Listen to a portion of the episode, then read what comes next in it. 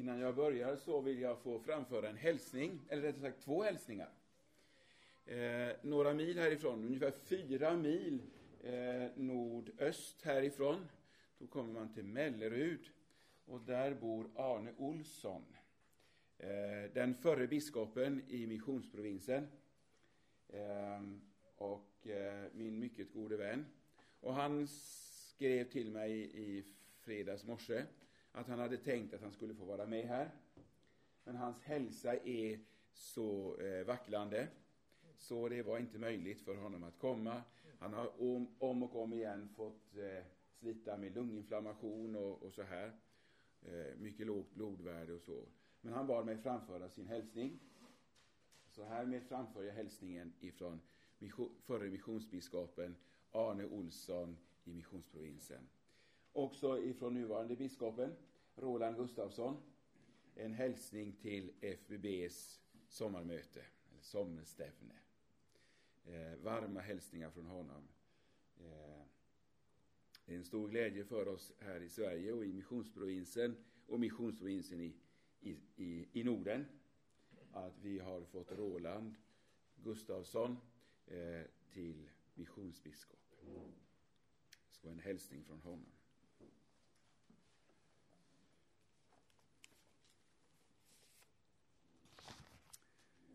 Låt oss be. Och jag vill börja be med en sång som jag tänker att ni kan och ni får gärna be med mig. Skriv dig Jesus på mitt hjärta, du min konung och min Gud, att dig lust, ej heller smärta, detta namn må plåna ut. Denna inskrift på mig sett, Jesus ifrån Nasaret, den korsfäste och hans lära, är min salighet och ära. Ja, kära Herre Jesus, nu tackar vi dig för att vi denna morgon får samlas inför ditt ansikte. Du Guds lamm, du Jesus från Nasaret, den korsfäste. Du den upphöjde, den som sitter på Faderns högra sida. Du som är mitt ibland oss här på Sions berg. Nu ber vi dig att du ville utgjuta över oss din heliga Ande. Kom och låt oss få smaka din godhet, din kärlek och väck på nytt i oss sången, den heliga sången, den nya sången. O Herre, välsigna oss med din välsignelse. Amen.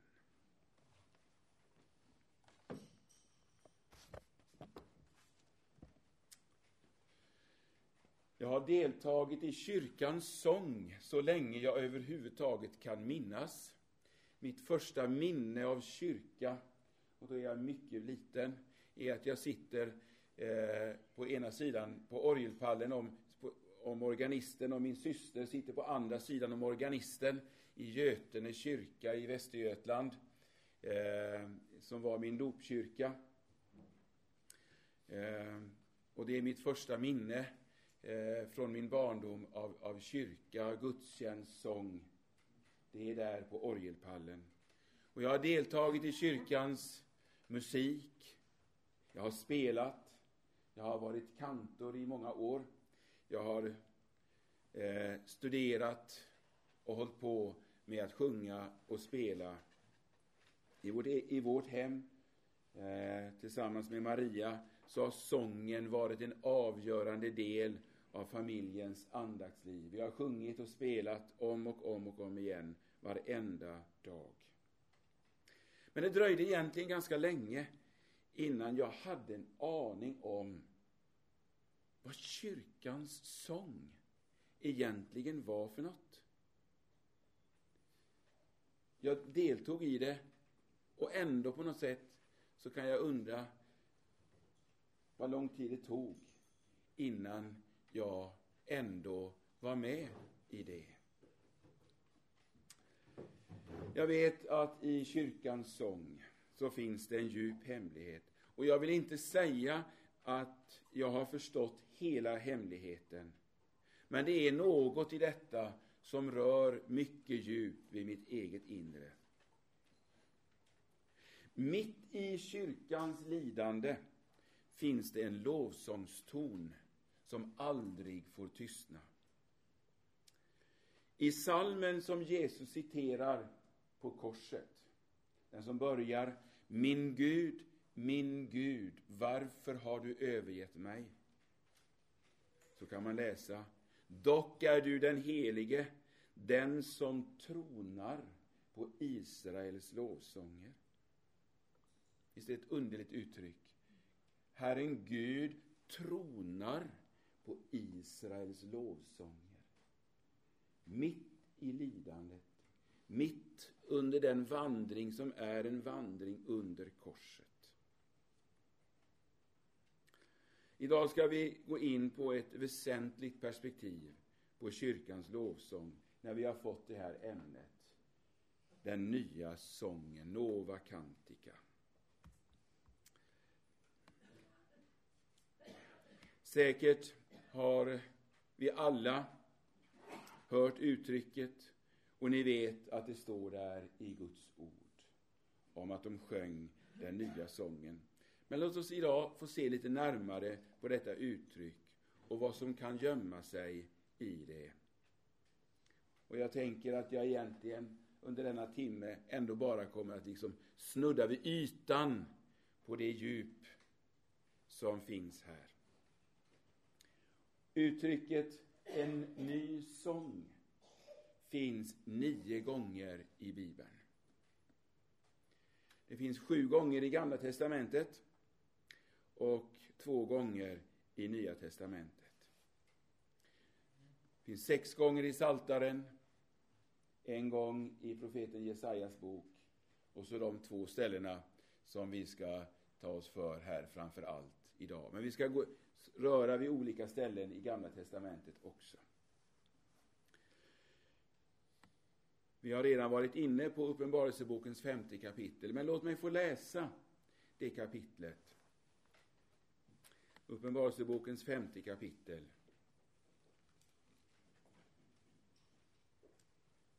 Har ni biblarna till hands så slå gärna upp. Så har ni det på norska, för jag läser på svenska.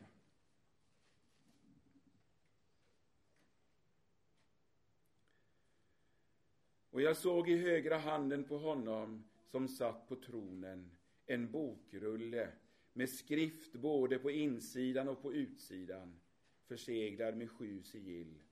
Och jag såg en väldig ängel som ropade med hög röst, vem är värdig att öppna bokrullen och bryta dess sigill? Men ingen i himlen eller på jorden eller under jorden kunde öppna bokrullen eller se in i den. Och jag grät bittert över att det inte fanns någon som var värdig att öppna bokrullen eller se in i den. Men en av de äldste sa till mig, gråt inte. Se lejonet av Juda, Judas stam, Davids rotskott, har segrat och han kan öppna bokrullen och bryta dess sju sigill. Och jag såg mitt för tronen och mitt ibland de fyra väsendena och de äldste ett lamm stå där som såg ut att ha blivit slaktat. Det hade sju horn och sju ögon. De sju ögonen är Guds sju andar utsända över hela jorden. Och lammet gick fram och tog bokrullen ur högra handen på honom som satt på tronen. Och när det tog bokrullen föll de fyra väsendena och de tjugofyra äldste ner inför lammet. De hade var och en sin harpa och skålar av guld fulla av rökelse som är de heligas böner. Och de sjöng en ny sång. Du är värdig att ta bokrullen och bryta dess sigill, ty du har blivit slaktad och med ditt blod har du åt Gud köpt människor av alla stammar och språk, folk och folkslag. Du har gjort dem till ett kungadöme, till präster åt vår Gud, och de skall regera på jorden. Och jag såg och jag hörde rösten av många änglar runt omkring tronen och väsenden av de äldste. Deras antal var tiotusen gånger tiotusen och tusen gånger tusen, och de sade med hög röst, Lammet som blev slaktat är värdigt att ta emot makten, rikedomen och visheten, kraften och äran, härligheten och tacksägelsen. Och allt skapat i himlen och på jorden och under jorden och på havet, ja, allt som finns i dem, hörde jag säga. Honom som sitter på tronen, honom och lammet tillhör tacksägelsen och priset, äran och makten i evigheternas evigheter. Och de fyra väsendena sade Amen. Och de äldste föll ner och tillbad. Så lyder Herrens ord. Gud, vi tackar dig. Vi har hört den nya sången. Scenen i denna att Johannes ser honom som sitter på tronen. Han ser Herren Gud. Han såg honom. I kapitlet innan har han mera beskrivit tronen och, och den synen och regnbågen som var där ovanför tronen. Och så säger han, talar han om, om den förseglade bokrullen och vi hörde om det häromkvällen. Det står där om Johannes som gråter när han förstår att ingen kan öppna bokrullen. Och så kom trösteorden. Gråt inte, för lammet, Davids rotskott, har segrat. Han kan öppna bokrullen. Och så fick Johannes se hur lammet, som hade varit slaktat, eller som såg ut att ha varit slaktat, hur det går fram och tar bokrullen. Lammet som beskrivs med sju horn. Nu liksom försvinner verkligheten in i en ny verklighet. Ett lamm med sju horn. Och därtill ett lamm med sju ögon. Och så förstår vi att det är en bild. Det är en symbol för någonting. Sju horn. Horn handlar om makt. Och sju horn handlar om gudomlig makt. Här är han åt vilken har givits all makt i himlen och på jorden. Han har sju ögon. Ja, först antydningsvis kan det väl handla om att han är den som har det gudomliga ögat, det som ser allt och som kan säga, och som vi hörde om häromkvällen, jag känner dina gärningar. Jag känner, jag vet, jag har sett. Jag har sett allt. Vi står här inför honom som har sett allt i mitt liv. Det finns inte ett endaste litet ögonblick, inte ett endaste liten, liten hörna in i mitt hjärta som inte han har sett. Han har sett det. Allt det där fula, allt det där förfärliga. Han vet om det. Och jag står inför honom. Men här står det att ögonen betyder Guds sju andar. Guds sju andar som går ut över jorden. Och så handlar det också på det sättet om hans, om hans närvaro ut, ut över jorden och inte minst i hela hans kyrka ut över jorden. Och så ser Johannes de fyra väsendena, och som är någonting hemlighetsfullt. Men fyrtalet eh, handlar ju eh, på något sätt om, om världens fyra hörn. Det handlar om hela skapelsen, om den skapelse som har utgått ur Guds hand och som står inför Gud. Den skapelse som i sig kan lova Gud och som också suckar och våndas och väntar på Guds barns, barns förlossning. Och här är de 24 äldste 24. Ja, på något sätt så har det säkert att göra med 12 plus 12. Och representanterna, eller ja, representerar det gamla och det nya äkta Israel. 12 patriarker, de 12 stammarna, 12 apostlar och de som i tron finns så att säga bakom eller i deras spår i gemenskap med dessa 24. Så står det om dem, att de hade var och en sin harpa i handen. Det vill säga, det som nu kommer, det blir till sång som är ackompanjerad på ett himmelskt sätt.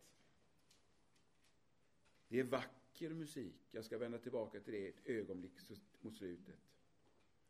Och de har alla sina guldskålar fulla med rökelse som symboliserar de heligas böner. Och det står att de böjde sig ner, de tillbad Lammet. Här finns en tillbedjan. Det är en tillbedjan av Lammet. Det är en rörelse. Det är inte bara, så att säga, att man står där med händerna i byxfickorna, nu hade de kanske inte byxor som jag, och står där på något sätt, en slags likgiltighet som man ibland kan förnimma i en, eh, bland människor som firar gudstjänst. Det är som om man inte alls var med. Men här står det, man böjde sig ner, man tillbad. Ja, det är scenen. Kan ni se det framför er? Nej, det kan vi inte.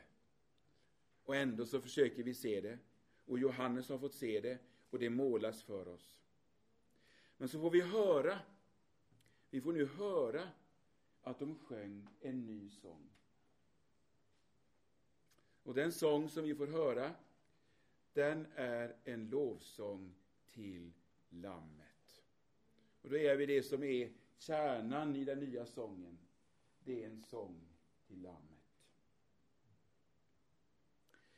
Du är värdig. Sången till Lammet är Du är värdig. Första gången vi hör det ordet Lammet i Nya Testamentet eh, direkt sagt om Jesus. Det är dagen efter Jesu dop, när Johannes står där nere vid Jordan och så får han se Jesus komma igen. Och så säger han till några av sina lärjungar, se Guds lamm som tar bort eller bär bort världens synd. Lammet har värdigheten och makten att bryta framtidsbokens insegel. Vi hörde om det häromkvällen. Det vill säga, har hela Guds folks historia i sin hand. Jag citerade nyss, åt mig har getts all makt i himlen och på jorden. Där är han som bryter inseglen och allting sker i enlighet med det som står i framtidsboken. Helt och hållet inneslutet i den makt och den kontroll, den konungsliga, eh, konungsliga välde som Lammet utövar. Och så kommer det innersta tacksägelseämnet i den nya sången. Ty du har blivit slaktad och med ditt blod har du åt Gud köpt människor av alla stammar och språk, folk och folkslag. Du har blivit slaktad. Det är den nya sången. Du, den riktas till honom. Du har blivit slaktad. Med ditt blod har du köpt åt Gud människor. Människor har blivit återlösta. Människor har blivit köpta ut ur skuldens sammanhang, ut ur Satans sammanhang, ut ur dödens sammanhang, ur alla människosläkten på jorden, ur alla språk och folkslag. Och så säger, säger den här sången, och dessa har Lammet gjort till ett, vad har han gjort? Han har gjort dessa till ett kungadöme, till präster åt vår Gud. Ett kungligt prästerskap. Eh, jag kommer tillbaka till det. Den nya sången sjungs här av några som representerar hela gudsfolket. Och det är en sång till Lammet för dess värdighet, för dess makt, dess gärning, som har lett till ett heligt folk Och det folket äger prästerlig värdighet inför Gud. Och det betyder att det är ett folk som har rätt att komma inför Guds ansikte. Det är själva den innersta saken i detta med att, att vi är gjorda till präster. Det kungliga prästerskapet har rätt att gå inför Guds ansikte. Inför Guds ansikte kan egentligen ingen komma. Men han har gjort det så att han har gjort oss till, till sådana präster, ett kungligt prästerskap, som har rätt att gå inför Guds ansikte. Vilket privilegium att få träda fram och få lov att tala med Gud och be om vad vi vill i Sonens namn, i Lammets namn. Det upprepar Jesus gång på gång och inte minst i sitt avskedstal. Det handlar alltså om ett privilegierat folk som är klädda i heliga prästerliga kläder som får komma inför Gud och vara med Gud. Den avgörande gärningen som, får, som den nya sången handlar om är alltså Lammets död och Lammets blod med dess kraft till syndernas förlåtelse. Det är kärnan. Lammets blod, vars främsta kraft handlar om detta, det är till syndernas förlåtelse. Ehm. Denna sång upprepas, eller det, det kommer, kommer liksom växelsång, respons, responsorier kommer ifrån himlen och sen fortsätter det igen. Men jag ska just, just nu fortsätta in i nästa avsnitt, nämligen i kapitel 14, så som det står i vårt program att jag ska göra. För kapitel 14 har mycket med detta att göra också. För där står det på nytt om den nya sången inför tronen. Vi läser de första verserna i kapitel 14. Och jag såg och se, lammet stod på Sions berg och med lammet 144 000 som hade hans namn och hans faders namn skrivna på sina pannor. Och från himlen hörde jag en röst som bruset av stora vatten och dånet av en stark åska. Och det ljud jag hörde var som när harpospelare spelar på sina harpor. De sjöng en ny sång inför tronen och inför de fyra väsendena och de äldste. Och ingen kunde lära sig den sången utom de 144 000, de som är friköpta från jorden. Det är de som inte har befläckat sig med kvinnor, de är jungfrur, dessa som följer lammet vart det än går. De är friköpta från människorna som en förstlingsfrukt åt Gud och lammet. I deras mun har det inte funnits någon lögn. De är fläckfria. Kapitel 14 kommer efter kapitel 13 eh, med den förfärliga synen om vilddjuren och de många som hade vilddjurets bild på högra handen eller på pannan. Det tecken som möjliggjorde handel på jorden. Och kanske att Johannes kunde fundera över eh, om det väl fanns några kristna kvar. Om det fanns några som var ståndaktiga och som inte hade vilddjurets namn eh, på sin panna. Men just då, när han har sett det förfärliga med vilddjurets väldiga makt, så får han där, mitt i tiden, se liksom Sions berg. Mitt också i denna antikristliga nöd. Och på Sions berg, mitt i Guds församling, så står Lammet. Han som sa, se, jag är med er alla dagar intill tidens ände. Och så får han se en skara som inte har vilddjurets tecken, utan som har, har Faderns och Lammets tecken på sina pannor. De är människor som mitt i nöden inte har skämts för sonen, utan bekänner hans namn. För detta med att ha namnet på pannan handlar om bekännelse. Och Jesus talar ju om att, att, om att den som bekänner mig inför människorna, honom skall också jag kännas vid inför min fader som är i himmelen.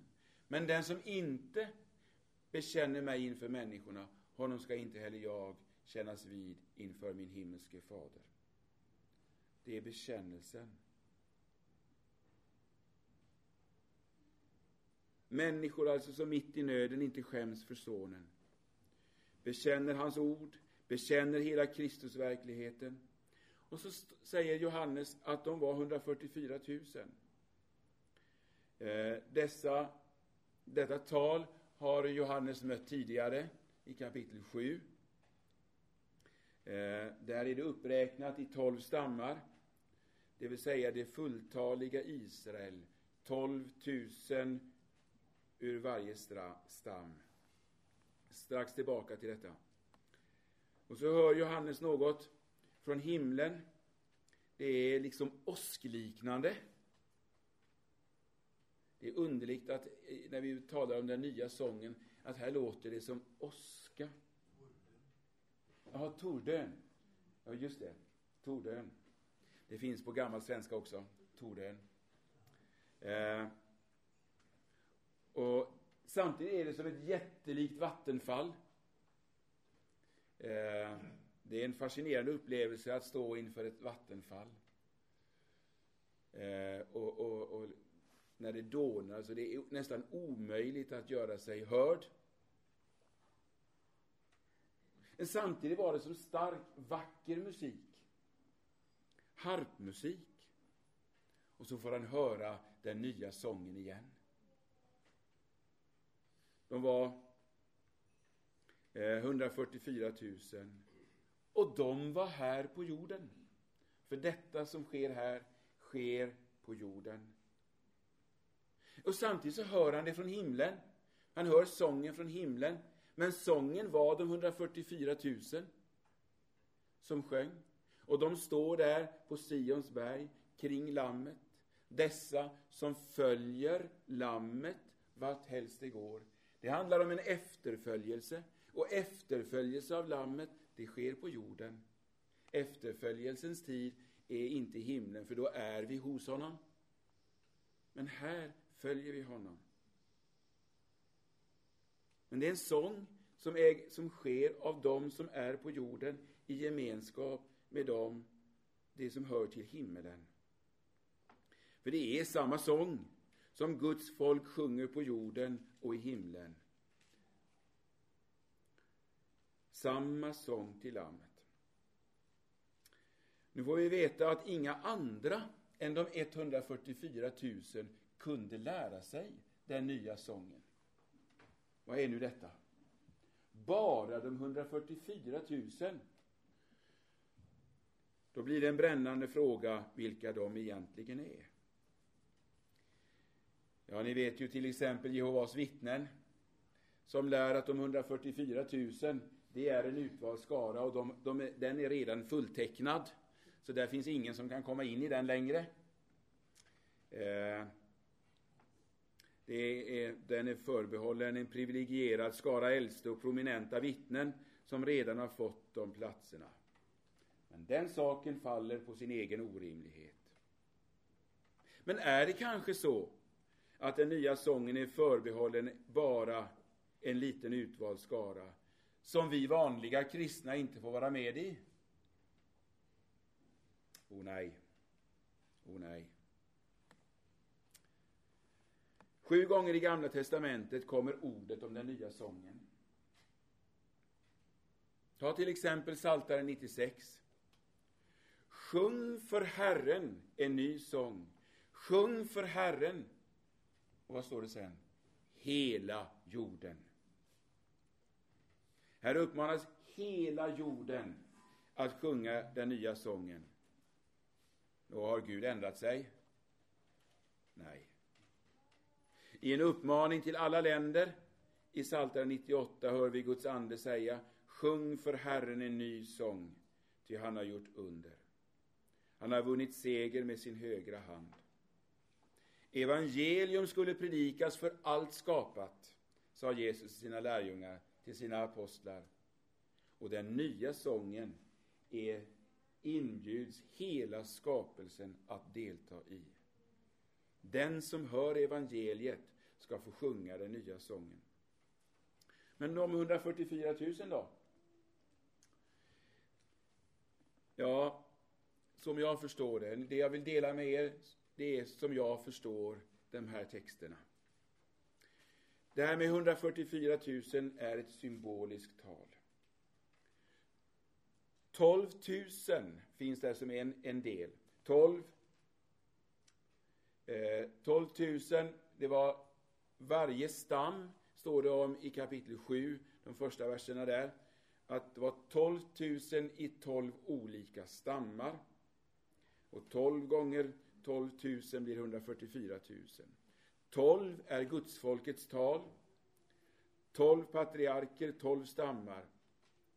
Och det var det också, vi snuddade vid det här med 12-talet med eh, de 12 apostlarna.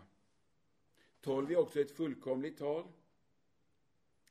Och 12 gånger 12 gånger 1000, som också är symbolen för väldigt många, så är 144 000 det symboliska talet för Israels räddade skara. Israel, ja, i det sjunde kapitlet så är det alldeles tydligt att det handlar om Israel. Det är Israels frälsta skara. Men eh, det är in i Israels frälsta skara som vi är inympade. Paulus talar i, i, i eh, Romarbrevet om att vi är som vild, eh, eller eh, grenar ifrån eh, vilda olivträd, inympade i det äkta olivträdet. Vi är inympade, insatta in i den gemenskap som började där med den första församlingen i Jerusalem. De tolv apostlarna, och så växte kyrkan med väldig fart. Och det var judar. Men judar förenas med hedningar och så är det en, en, en helig gemenskap. Alltså, de 144 000 är ett symboliskt tal för Guds frälsta egendomsfolk, judar och hedningar. Och där i kapitel 7, där detta nämns för första gången, eh, så hör Johannes de här talen om, om de tolv, tolv stammarna, om tolv tusen. Men han ser ingenting då. Men ett ögonblick senare får han se. Vad ser Johannes när han har hört om de tolv tusen gånger tolv? Jo, då får han se en skara som ingen kunde räkna. Då ser han den oräkneliga skaran som kommer ur alla folkslag, stammar, länder och språk. Och så får han se alla dessa som har fått sina kläder tvättade i Lammets blod. Och vad gör de? Jo, de deltar ju i sången till Lammet. Så som vi hörde där. De frälstas lovsång till Lammet. Guds folk går redan här på jorden fram inför Guds tron. Guds tron, den finns mitt ibland oss. Den är inte långt borta. Vi träder i bönen fram inför Guds tron. Och det står i, i Hebreerbrevets tolfte kapitel om Guds folk. Ni har kommit till Sions berg och till den levande Gudens stad, där alltså tronen är. Till det himmelska Jerusalem, till änglar i mångtusental, till en högtidsskara, en församling av förstfödda som har sina namn skrivna i himlen. Här är Sions berg med de 144 000. Och lammet är där, mitt ibland oss. Och igår, när vi firade nattvard i kyrkan, så stod lammet där, mitt ibland oss och mötte oss vid nattvardsbordet. Den nya sången sjöng vi också där tillsammans, när vi sjöng de orden O Guds lamm, som borttager världens synd. Förbarma dig över oss. O Guds lamm, som borttager världens synd. Förbarma dig över oss. O Guds lamm som borttager världens synd. Giv oss din frid. Eh, och när vi sjöng eh, Helig, helig, helig, Hosianna välsignad vare han som kommer i Herrens namn, så deltog vi i den nya sången. Det var de frälstas sång.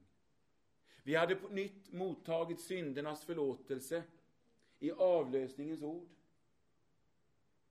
Hörde vi de orden? På Jesu Kristi vägnar säger jag dig, dina synder är dig förlåtna i Faderns och Sonens och den helige Andes namn.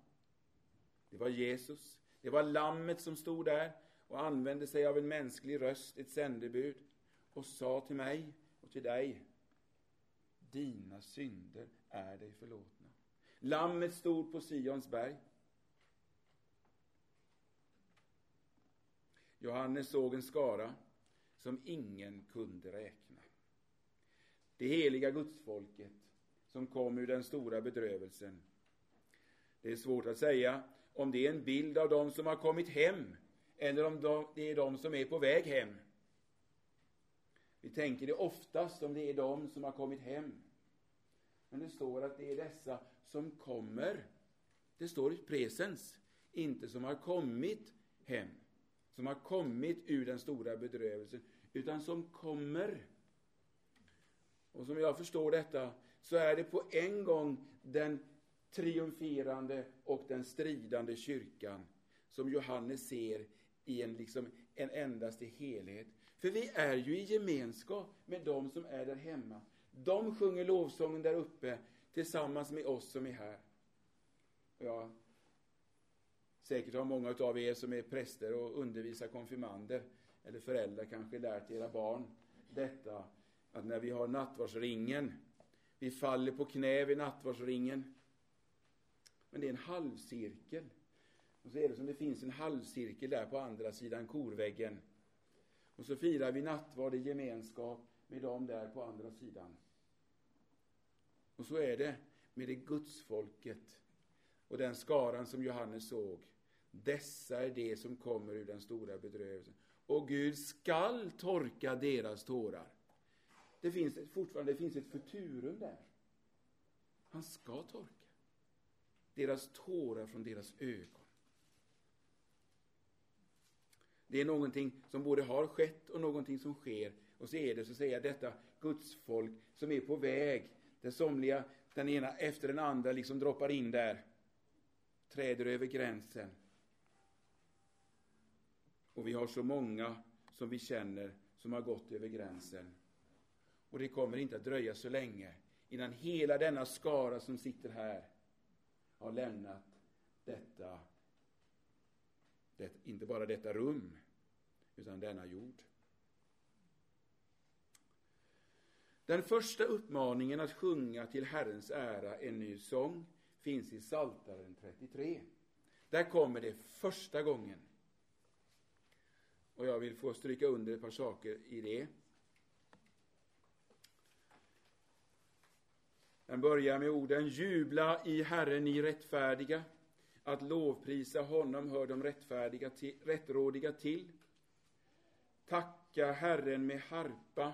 Lovsjung honom till tiosträngad saltare. Sjung till honom en ny sång. Spela vackert under jubelrop. Ty Herrens ord är rätt. Han är trofast i allt han gör.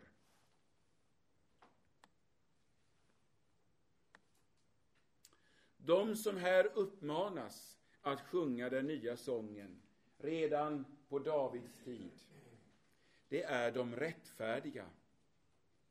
De rättfärdiga. Jubla i Herren, ni rättfärdiga. Tacka honom. Sjung honom en ny sång. Och vilka är de rättfärdiga? Ja, här är det väldigt tydligt sett utifrån salmen som kommer före Saltaren 33, nämligen Saltaren 32. Den som börjar med orden Säll är den vilkens överträdelse är förlåten, vilkens synd är överskyld. Kommer ni ihåg där i den salmen? Hur David liksom lägger fram sin sak inför Gud. Han klagar över sin egen situation så länge han teg om sin synd och sin skam. Så länge jag teg försmäktade mina ben vid min ständiga klagan, ty dag och natt, tänk, dag och natt var din hand tung över mig. Min livssaft förtorkades så som av sommarhetta. Men jag sade, jag vill bekänna för Herren mina överträdelser. Jag uppenbarade min synd för dig. Jag dolde inte min missgärning. Det är människans naturliga sak, det som vi hörde om genom Jan här igår. Jag vill dölja min missgärning. Jag vill dölja min skam. Men David har kommit till den punkten när han säger, jag dolde inte min missgärning. Jag uppenbarade min synd för dig. Jag vill bekänna mina överträdelser för Herren. Och så kommer det, det är som, en, det är som ett stort eh, eh, slutackord i en väldig symfoni med många förhållningar först. Och så kommer det fram till det stora, underbara durackordet med fullt av pukor. Då förlät du mig min syns missgärning. Då förlät du mig. Sån är vägen in till förlåtelsen. In till Kristus, till Lammet, in till den nya rättfärdigheten. I den salmen kallas dessa som fått sin synd överskyld för rättfärdiga. Det står det i sista versen i Saltaren 32 och det kommer tillbaka i den första versen i Saltaren 33. Ni är rättfärdiga. Ni är rättfärdiga. Ni som har fått era synder förlåtna. Ni kallas i Guds ord för rättfärdiga. Ni är rättfärdiga. Ehm, och sjung till honom en ny sång. När vi läste att ingen utom de 144 000 kunde lära sig den nya sången, så kan vi uttrycka det på detta sätt. Det är de som har mottagit syndernas förlåtelse och fått sin synd överskyld som kan sjunga den nya sången. Vi går vidare till en annan viktig sak i Saltaren som har med detta att lära sig den nya sången. I Saltaren 40 kan läsa från första versen där. Där finns ett annat perspektiv på den nya sången. För sångmästaren en psalm av David. Jag väntade ivrigt på Herren och han böjde sig till mig och hörde mitt rop. Han drog mig upp ur fördärvets grop, ur den djupa dyn. Han ställde mina fötter på en klippa och gjorde mina steg fasta. Han lade i min mun en ny sång, en lovsång till vår Gud. Många ska se det och frukta, och de ska förtrösta på Herren. Nu kunde vi läsa detta och bara tänka på det helt personligt. Eh, och så har vi varit där. Vi har väntat på Herren. Och Herren har kommit. Vi har ropat och han har svarat. Vi har kämpat och han har kommit. Han drog mig upp ur fördärvets grop. Ur misströstan, ur missmodets grop. Ur skuldens grop upp ur den djupa dyn. Han ställde mina fötter på en klippa, på Sionsberget, på den fasta klippan. På det fullbordade verket som skedde på Golgataklippan och gjorde mina steg fasta så att jag kunde vandra igen. Jag kunde gå. Jag kunde gå där i min gärning med gott samvete. Och han la i min mun en ny sång. Han la den in där. Det kom där som en förnyad glädje. Jag vet, jag är hans. Jag känner honom som förlåter mig alla mina synder.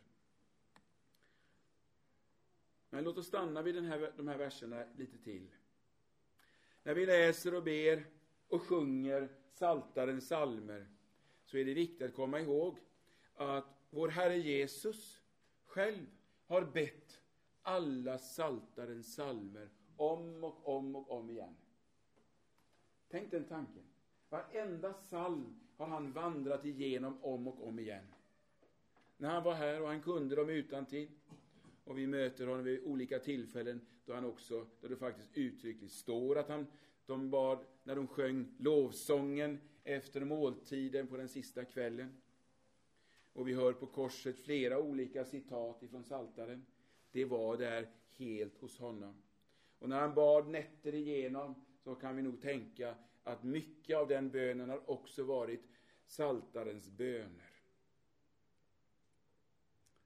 Och han har alltid bett om rätt, vilket inte kan sägas om oss.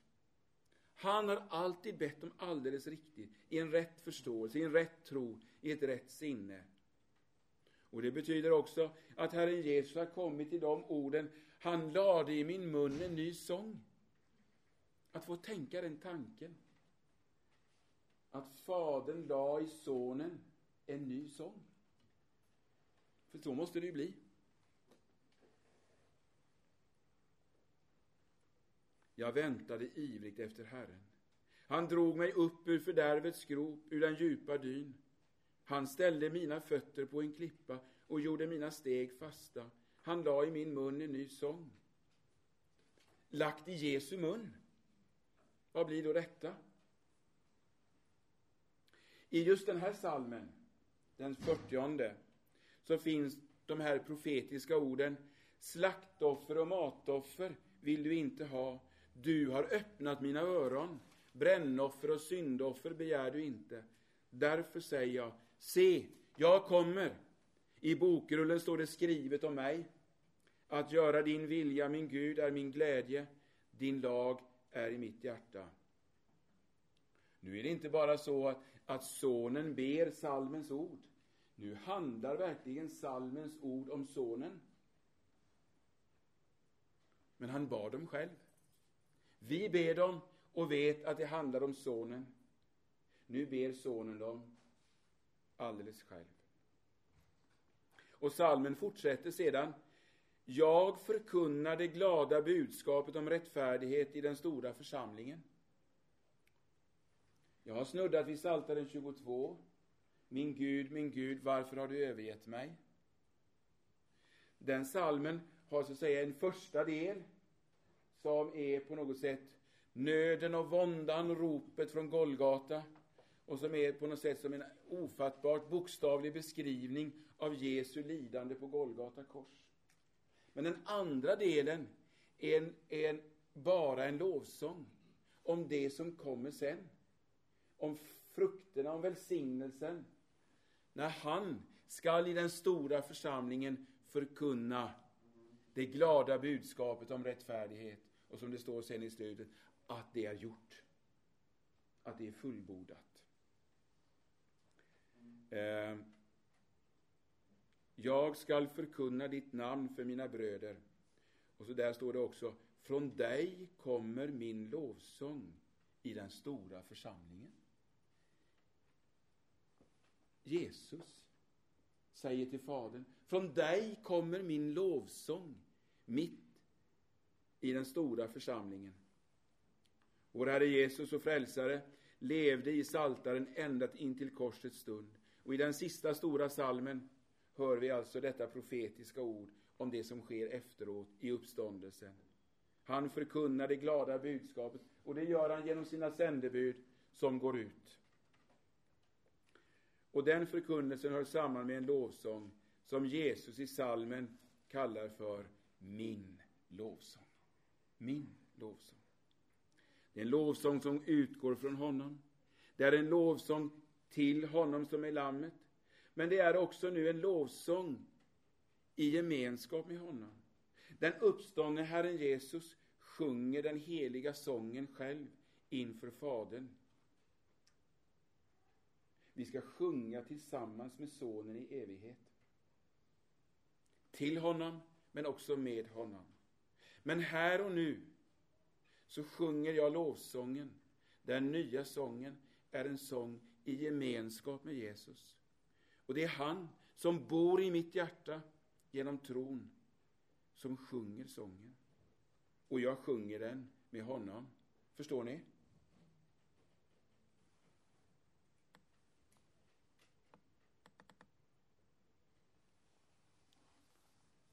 Vi går ett litet steg vidare.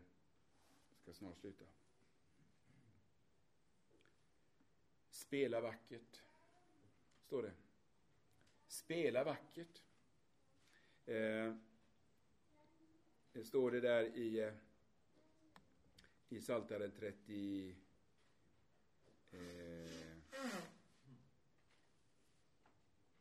förlåt. Eh, Åh, nu tappade jag det. I vilken av psalmerna var det? Det står ju... Jo, jo, jo, ja, det är så. Det står det.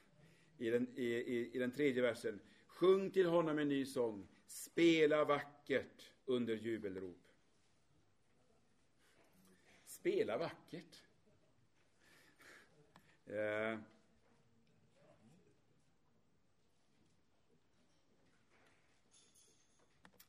Det nämns runt omkring den nya sången en lång rad olika instrument.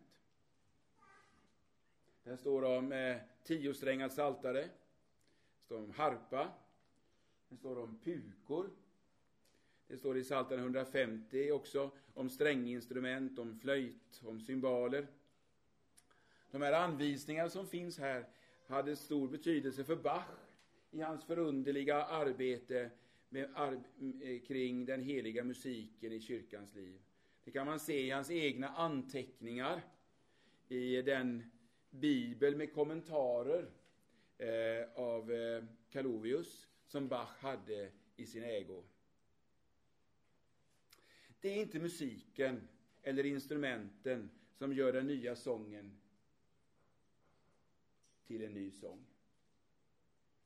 Det är det inte. Men det är inte betydelselöst hur vi sjunger. Spela vackert under jubelrop. Har ni lagat, ni husmödrar, eller om det är era män som gör det, jag vet inte, så har ni lagat en god middag. Det är inte betydelselöst hur man dukar upp det, hur man lägger upp det på, på faten. Om man bara lägger allt sammans i en stor hög, eller om man breder ut det med och garnerar med fina med grönsaker och med, med, olika, med, med grönt och med rött och, och så vidare. Det är inte betydelselöst. I sån liten detalj är det inte betydelselöst. Den nya sången, det som är på något sätt det allra innersta i människans svar på Guds stora gärning genom Lammet, det är inte betydelselöst. Eh.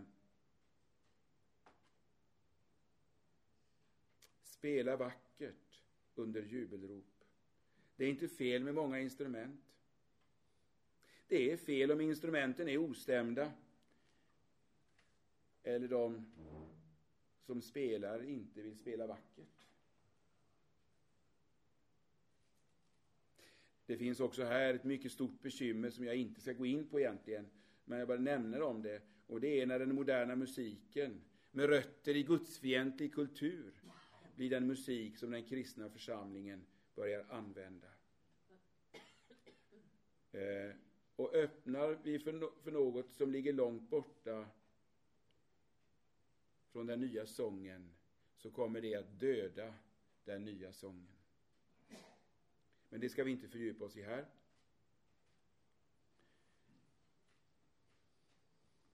Jag gick tidigt i morse förbi kyrkogården här i Laneryd.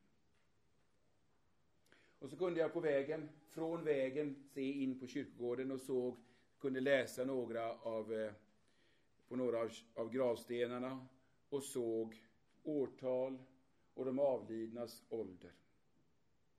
Och blev på nytt påmind om att jag är i den ålder då många män dör. Jag blev också påminn om det som Jesus säger om den stund då alla som är i gravarna ska höra Människosonens röst och gå ut ur dem. De som har gjort vad gott är ska uppstå till liv och de som har gjort vad ont är ska uppstå till dom. Det står om i Johannes femte kapitel. I det sjätte kapitlet säger Jesus att det, det goda, det som är Guds gärning, det är att tro på Sonen. Och det onda är att inte tro på Sonen. Den nya sången är trons sång till Sonen, till Guds lamm. Guds folk sjunger i tro på Sonen den nya sången på jorden. Och de sjunger samma sång när de träder in i Lammets bröllopssal. Men är det någon skillnad på den nya sången på jorden och i himlen?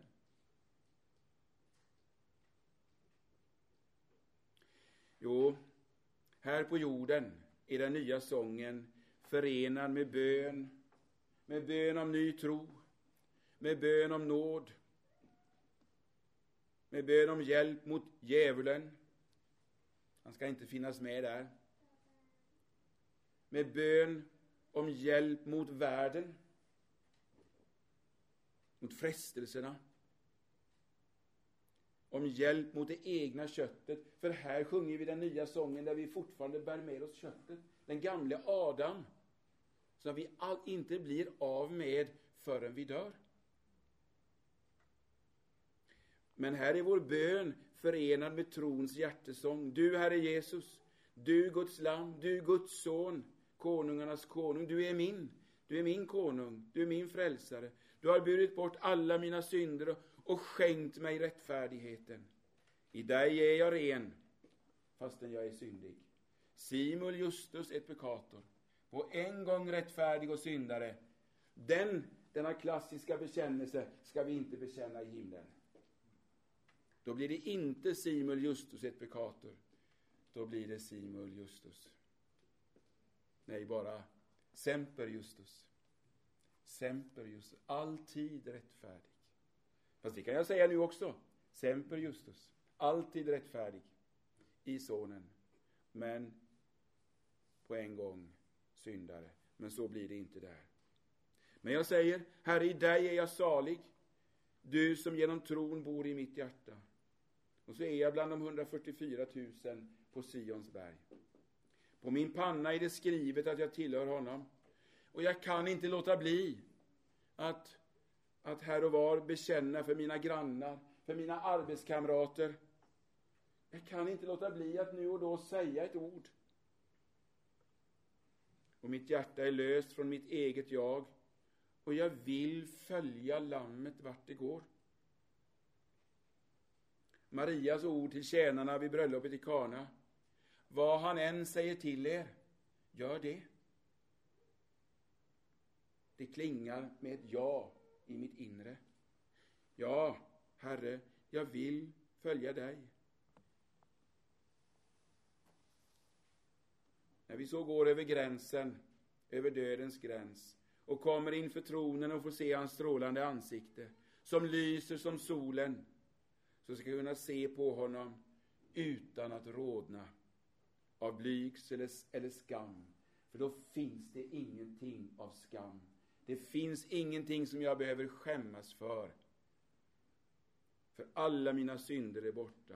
Han är lammet som tar bort världens synd. Och jag ska kunna se in i hans solansikte utan att bländas. Tänk, hans solansikte utan att bländas. Och mitt hjärtas nya sång får ny glädje när hela himlen genljuder av den allra vackraste musik. Jag kan drömma om det ibland. Och hur kommer det att låta? Jag älskar musik. Vacker musik. Men hur kommer det att låta i himlen? När alla de heliga tillsammans med miljoner av änglar fortsätter den sången tillsammans med fantastiska instrument. Den sång som jag sjungit här, i mitt hjärta och tillsammans med Guds församling. Ja, till sist. I den sista salmen i Saltaren där det står om den nya sången, det är den 149 salmen, så står det så här. Halleluja, sjung till Herren en ny sång, hans lov, i det frommas församling. I det frommas församling. Den nya sången är en lovsång i de frommas församling, i gemenskap med alla de andra heliga. Det är en hjärtats sång. Den nya sången är hjärtats sång. Men den är en sång tillsammans med alla de heliga.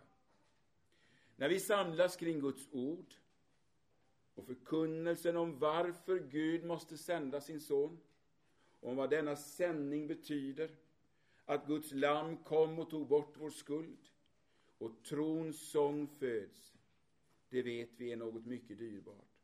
Och att tillsammans med de heliga då få sjunga om Jesus.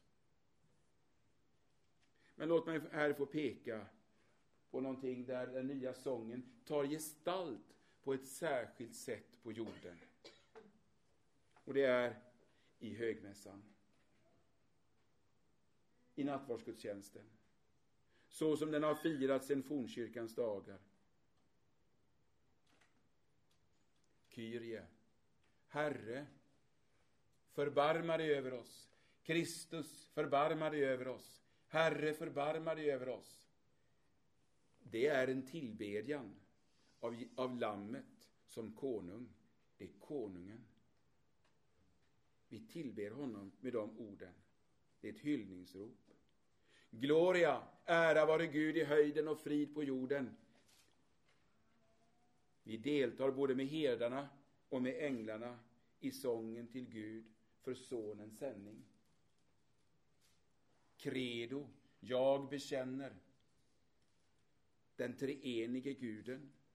Sjungande eller läsande, också det hör med till den nya sången. Den nya sången är sången till den treenige guden. Vi tror på Gud Fader allsmäktig, himmelens och jordens skapare. Jag skulle, tittar man närmare på, på, sal, på salmerna där den nya sången finns med, så är det ofta som det knyter an till frågan också om skapelsen. Jag hinner inte gå in på det nu, men det finns där som någonting väldigt tydligt. Vi tror på, på Sonen, vi tror på den helige Ande. Sanctus, helig, helig, helig. Med himlens änglar och alla de heliga på jorden sjunger vi och tillber. Och Benediktus, välsignad vare han som kommer i Herrens namn. Agnus Dei, O Guds lam, som borttager världens synd. Och så tar vi emot honom i hans egen kropp och blod, i väntan på att vi ska stå ansikte mot ansikte med honom. Den nya sången, där den nya sången inte längre är förenad med tårar och rop på hjälp, så som den är så ofta här. Där i gudstjänsten finns allt det som behövs, om det är en riktig gudstjänst, för att den nya sången ska födas på nytt. För den nya sången måste om och om igen födas på nytt hos oss. Där är hjälpen in i syndabekännelsen. Där är avlösningens ord. Dina synder är dig förlåtna. Det som föder lovsången. Där är undervisningen om vad min Herre och Frälsare gjorde på korset och vad det betyder. Och vad det betyder att jag är döpt. Införlivad i trädet. Förenad med min Herre. Och så räcks mig där detta dyrbara nådens medel, hans kropp och hans blod, utgiven, utgjutet till syndernas förlåtelse. Ja, där lär vi oss att sjunga den nya sången, hjärtats sång. Sången till Lammet, sången i de frommas församling, sången tillsammans med de 144 000, som är hela den oräkneliga skaran klädd i vita kläder, kungliga prästerliga kläder, på väg in. Men hela tiden inför tronen, på jorden och i himlen. Ära vare Fadern och Sonen och den helige Ande, så som det var av begynnelsen, nu är och skall vara, från evighet till evighet.